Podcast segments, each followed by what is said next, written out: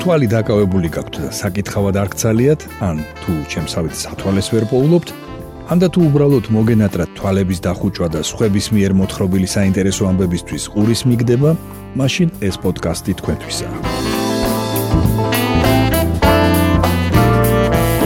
გამარჯობა. თქვენ უსმენთ რადიო თავისუფლების პოდკასტს მოლაპარაკე ტექსტებს. მოლაპარაკე ტექსტებს. მე ბიძინა რამიშვილი გახლავართ. აქ მოქმედი პირები არიან ტექსტები, რომლებსაც რადიო თავისუფლების ვებსაიტზე ვარჩევ თქვენთვის კვირაში ერთხელ და მათ მოსათხრობ ამბებად ვაქცევ ხოლმე.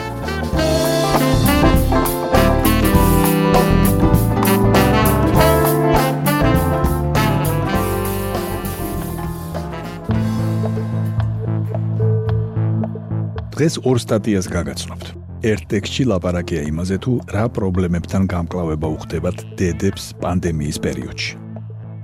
მეორე კი მოგვითხრობს სტალინური რეპრესიების ერთ-ერთ ტალღაზე, ეგრეთ წოდებულ მეგრელთა საქმეზე. დედები ნერვიული აშლილობის ზღვარზე. როგორია ცხოვრება, როცა ხალი ხარ და პანდემია. ასე ეწოდება ნასტასია არაბულის სტატიას, რომლიდანაც ნაწყვეტებს დაგიკითხავთ.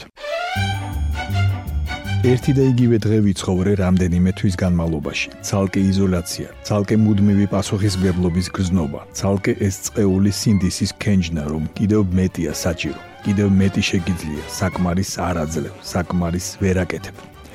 უთხრა რადიო თავისუფლებას ნათიამ, სამი მცირეწლოვანი შვილის დედამ. როცა ვთხოვეთ, რამდენიმე წინადადებით გადმოეცა თავისი პანდემიური გამოცდილება. ეს განცდები ნაცნობია ათასობით ქალისთვის, რომლებმაც მთელი წელი სახლში ჩაკეტილებმა შვილებთან ერთად გაატარეს, გაორმაგებული დატვირთვით, რადგან პანდემიამ წაშალა ზღვარი სახლისა და სამსახურის საქმეებს შორის. სამსახურის საქმეებისას ფიქრობ ახლა ყურადღებას ბავშვებს ვაგლებ. ბავშვებთან ყოფნისას სამსახურის საქმეებს ვერ ვასწრებ. ეს ანა ორი შვილის დედა. რასაც ანა ამბობს, ნაცნობია ყველა იმ ქალისთვის, რომელიც მასავით სახლიდან მუშაობს. პანდემია არავისთვის აღმოჩნდა სასიამოვნო თავგადასავალი. ადამიანები კარგავენ ახლობლებს და იმედს, რომ ერთ დღეს ყველაფერი ისევ ისე იქნება, როგორც კორონავირუსის გამოჩენამდე. ხანგრძლივი იზოლაცია, გაურკვეველი მომავალი, შიში, ორმაგი დატვირთვით მუშაობა ან პირიქით უმუშევრად და შესაბამისად შემოსავლის გარეშე დარჩენა კრიზისის დროს ადვილი არ არის. ეს ყველაფერი მხოლოდ ამძაფრებს შეგრძნებას, რომ ჩვენი ცხოვრების ერთი ნაწილი კორონავირუსთან ბრძოლამ სამუდამოდ წაგვართვა. ქალთა უფლებებზე მომუშავე ორგანიზაციები ჯერ კიდევ პანდემიამდე ამბობდნენ, რომ ქალის ტვირთი ოჯახში გაცილებით დიდია ვიდრე კაცის. პანდემიამ ეს უთანასწორობა მხოლოდ გააღრმავა. ქალთა უფლებადამცველები ასევე საუბრობენ ოჯახში ძალადობის გაზრდილ რიცხვებზეც და იმაზეც, რომ მოძალადეებთან ერთად გამოკეტილი ქალებისთვის კიდევ უფრო რთული გახდება მათგან თავის დახსნა. ყველაფერი, რასაც 4 წელი ვაშენებდი, კვება, ძილი, ქცევა, სამთვეში ჩამოინგრა. მუდმივად ვგრძნობ ფრუსტრაციას. გვეუბნება ლიკა, რომელიც ფსიქოთერაპევტია და სხვებს ეხმარება მძიმე პერიოდების დაძლევაში. ლიკას შვილი ახლა უფრო მეტად არის მიჯაჭვული გაჯეტებზე და უფრო ხშირად ჭამს ტკბილეულს. ეკონომიკური და პოლიტიკური კრიზისების ფონზე დავიწროებულია სივრცე, სადაც ქალები თავიანთ გამოცდილებაზე ილაპარაკებენ. საყოველთაო განსაცდელი შეგრძნება აჩენს განცდას, რომ არაფერი განსაკუთრებული არ ხდება შენს თავს, რაც სხვას არ გამოუცდია. მაშინ როცა ყველა ქალის პანდემიური გამოცდილება ერთდროულად არის უნიკალურიც და მსგავსიც სხვების გამოცდილების. რადიო თავისუფლება რამდენიმე ასეთ გამოცდილებას გთავაზობთ. დაახლოებით 10 წლის წინ HBR-ის სტატიაში წავიკითხე, რომ მშობლობისა და მუშაობის შეთავსება გავს ბაგირზე სიარულს. როცა თან დანით, კვერცხებით, ბროლის ჭიქით და სხვადასხვა მსხრევადი და დამაზიანებელი საგნებით ჟონგლიორო. მთელი წელი ეს ფრაზა მახსენდებოდა. ამბობს მალინა, 2 წლის ქეთოს და 5 წლის თეკლას დედა. ერთ დღეს ჩაულებრივ ლაპარაკობდი და ჩემმა უმცროსმა შვილმა მკითხა: "გინდა რომ გავჩუმდეო?" მაგ დროს მივხვდი რომ მთელი წელია სახლში ვიღაცას ვაჩუმებთ. მე ჩემ ქმარს, ჩემი ქმარი უფროს შვილს, უფროსი შვილი უმცროს და მთელი წელია ამოჯადოებული სიჩუმის წრეზე დავდივართ, რომელსაც არანაირი განსაზღვრული მოქმედების დრო არ აქვს. თავარია შევძლოთ ონლაინ გაკვეთილზე, Zoom-ის შეხვედრაზე, ონლაინ კონფერენციაზე ყოფნა და სანამ ჩვენ ამ წრეზე დავდივართ, 5 წლის სანდრომ ვერ გაიგო, რატომ უნდა იჯდეს ოთახში მარტო. თან ჩუმად და ყოველ ჯერზე როცა ოთახებში ვიკეტებით ცდილობს ყველაზე ხმამაღალი ყვირილით შემოვიდეს და მოითხოვოს ყურადღება, რომელიც ასე სჭირდება.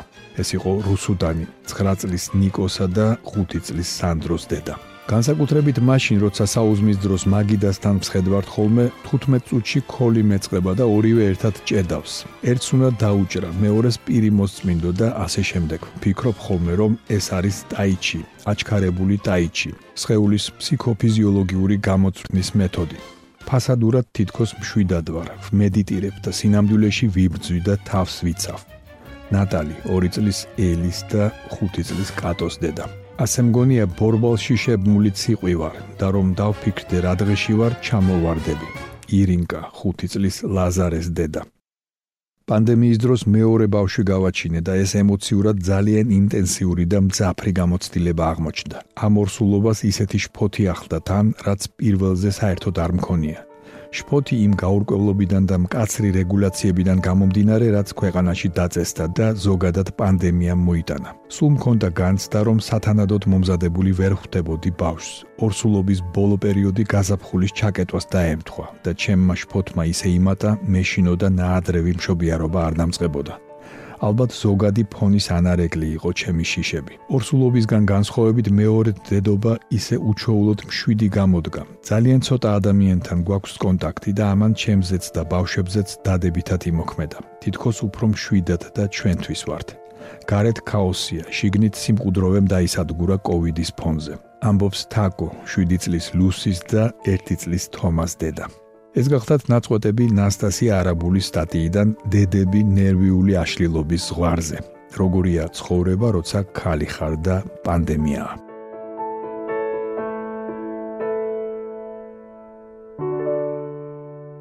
თქვენ უსმენთ პოდკასტს მოლაპარაკე ტექსტებს. ჩვენი პოდკასტის მეორე ტექსტია თეატოფურია სტატია მეგრელთა საქმე, ანუ იების კრეფის სეზონი.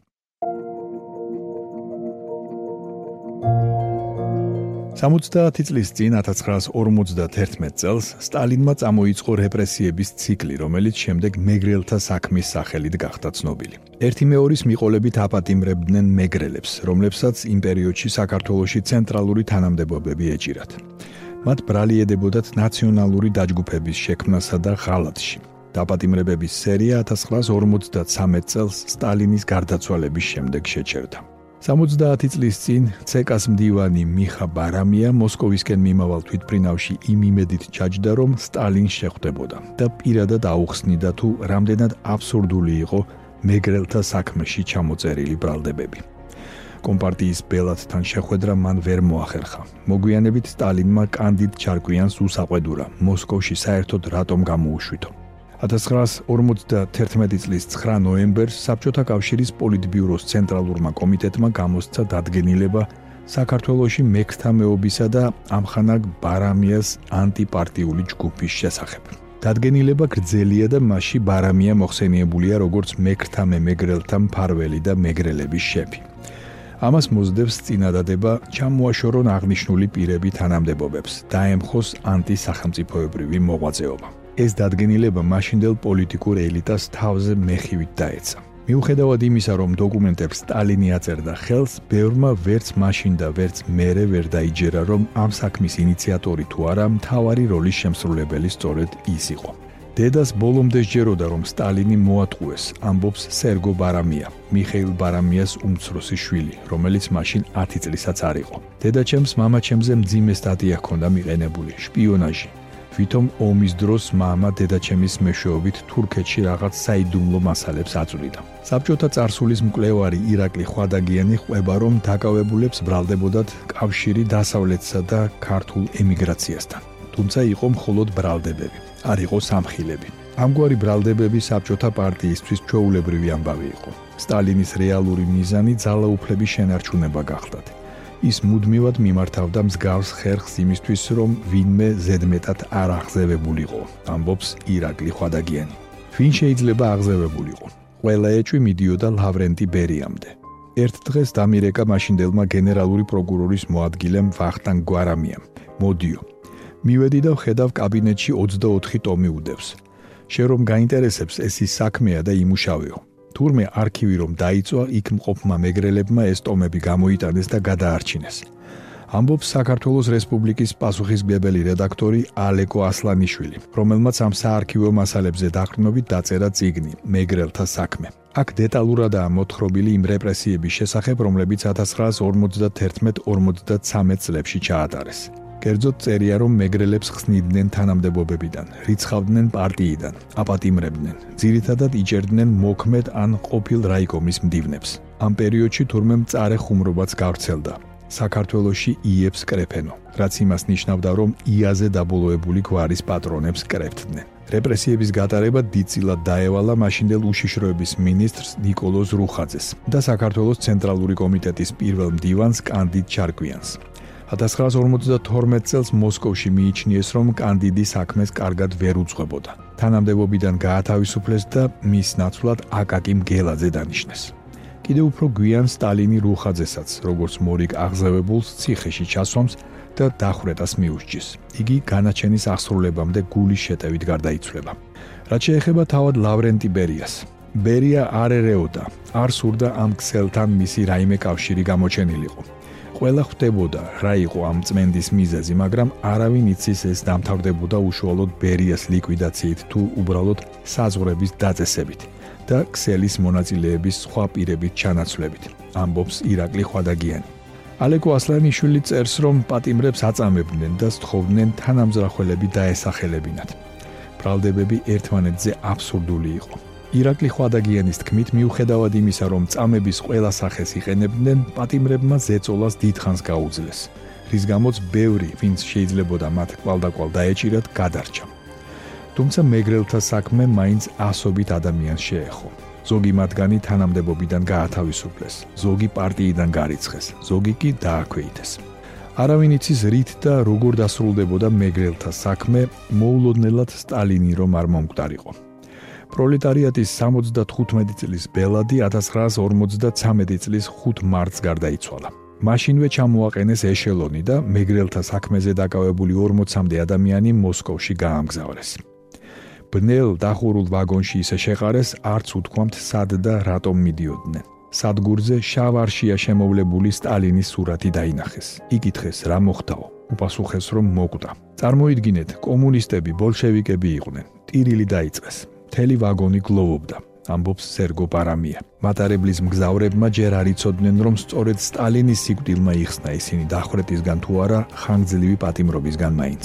მოსკოვში სადაც საბოლოოდ ჩავიდნენ მათი საქმე კომისიამ ხელახლა განიხილა. სრული რეაბილიტაცია მოხდა. ის ხელფასიც კი გადაუხადეს რომელიც ამ წლების განმავლობაში არაეღოთ დასძენს სერგო პარამია სტალინის სიკვდილის შემდეგ 1953 წლის 27 მარტს გამოიცა ბრძანება, რომლის საფუძველზეც საბჭოთა პატიმრების თითქმის ნახევარმა ციხეები დატოვა.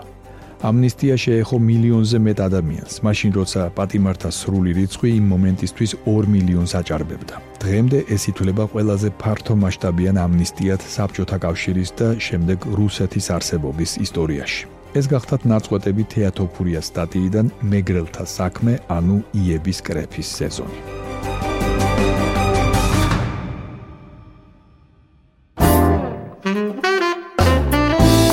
თქვენ მოისმინეთ რადიო თავისუფლების პოდკასტი მოლაპარაკეთ ტექსტები.